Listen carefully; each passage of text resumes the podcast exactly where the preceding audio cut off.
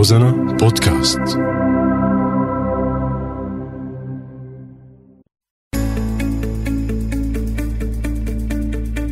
سوريات. كافحوا وبإصرار واجهوا حياتهم ومشاكلها. ليكونوا علامة فارقة. تعالوا نسمع قصصهم وهن عم يحكوا لنا كيف تجاوزوا مصاعبهم وحققوا هالنجاح. أمني مخباط آه، من إدلب جبل الزاوية قرية بليشون آه، عملي هو معلمة ومسؤول تواصل مكاتب المرأة والطفل بجبل الزاوية. نحن كمكتب هون بنقوم بالتنسيق والإعداد لعدة تدريبات على مستوى الطفل والمرأة.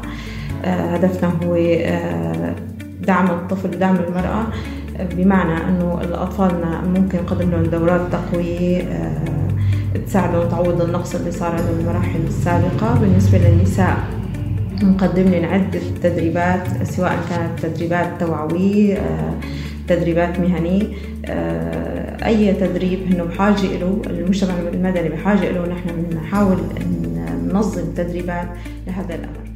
أنا مريم مخبوط وأختها الأنسي آمنة مخبوط. إحنا أنا وياها نشأنا ضمن أسرة يعني بتحب تعليم الفتاة وكمان يعني بتهتم فيها وبتحب إنه يكون لها اعتماد على ذاتها وخصوصيتها.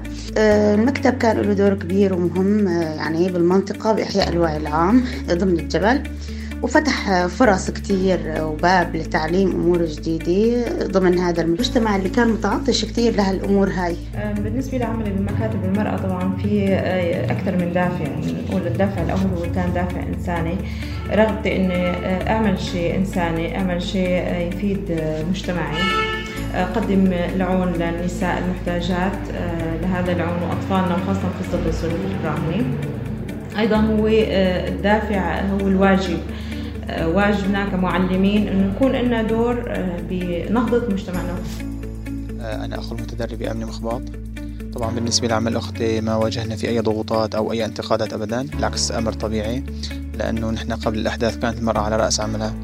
وهلأ بالنسبة لعمل المرأة في هالأحداث والظروف هلأ صار واجب. باعتبار فقدنا كثير من الأزواج وكثير من العائلات. فصار على المرأة مسؤوليات كبيرة إنه تأمن نفسها وتأمن أولادها. والحمد لله أثبتت نجاحها وأثبتت وجودها بهالظروف الصعبة.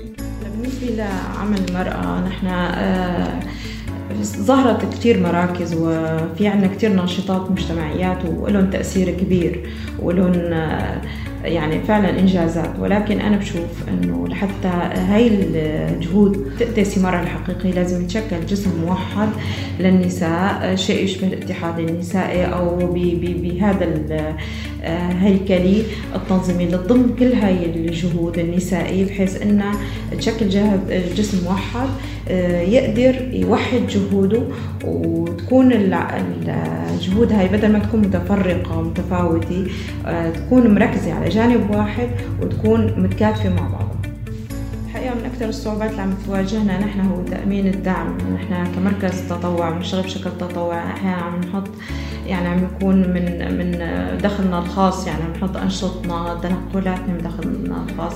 فالدعم المالي بيساعد كتير إنه نتجاوز كتير صعوبات نأمن نشاطات أكبر نساعد نسائنا نأمن لهم تدريبات مهنية على مستوى أو توعية تكون أفضل نقدم خدمات أفضل لمجتمعنا نأمن مراكزنا بشكل أفضل. أيضا نحن الوضع الراهن نتيجة القصف والنزوحات اللي عم بتصير هذا عم يأثر على أحيانا الأنشطة اللي عم فيها وكل شخص من موقعه لما بيعمل جهده أكيد رح يأثر بشكل كبير على مجتمعه. تابعونا بكل حلقة. قصة نجاح جديدة بتخلينا نتعرف على سوريا من خلالها.